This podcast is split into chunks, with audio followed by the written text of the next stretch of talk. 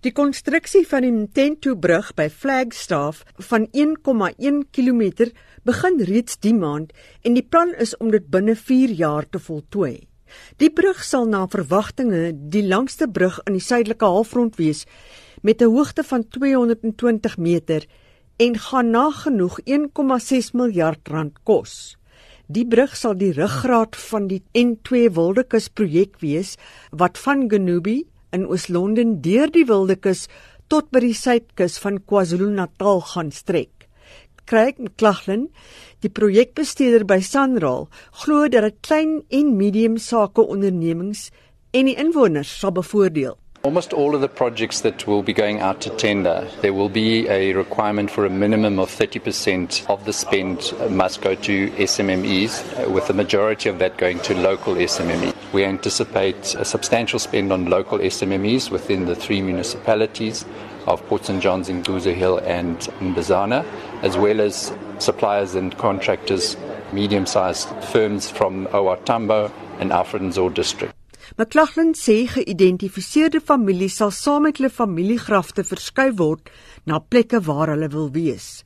Sanra sal die verskywing van die mense en hervestiging van die grafte betaal. When it comes to graves that have to be relocated, we negotiate with the affected family. We pay them a certain amount that they can bring the family in, do the ceremony. We supply a cow and a, and a sheep, if a cow and a, and a goat, plus some money for groceries for the ancestors can be held. With all the necessary people present. Once the ceremony has been held, then undertakers will relocate the graves and bury them in a new location outside of the road reserve, next to the new homestead or, or, or in an area approved by the family affected. Die sekretaris van die koninkryke in Westelike en Oostelike Pondoland, Pondolo Wendlovu Faku, sê albei huise steun die N2 hoofweg tolprojek. We all agree that the road should proceed. No one should stop this road without us, without both kingdoms, because all these subjects, they all fall under both kingdoms. So whoever has got a problem with Sandra should come to us. Die senior gemeenskapsfasiliteerder, Ntsakalu Ngalo, sê die inwoners en sakeleiers is tevrede met die projek. We are so excited as Pondos. We are so happy.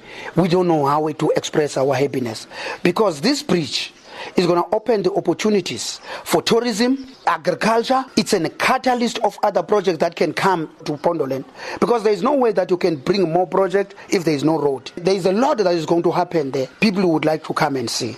Die uitvoerende hoof van die maatskappy Awen Grinnikers LTA Strayback Joint Venture, Bridget Ledwaba, meen die projek sal die ekonomie aanwakker. This project that will be happening in this area will benefit the businesses that are in the local area and at the same time it will be creating uh, jobs and in terms of our commitment as a contractor with the employer Usandral is that we've made certain commitment in terms of a community to assist in terms of uplifting the community. There are going to be jobs in the next 40 months who will be on this project.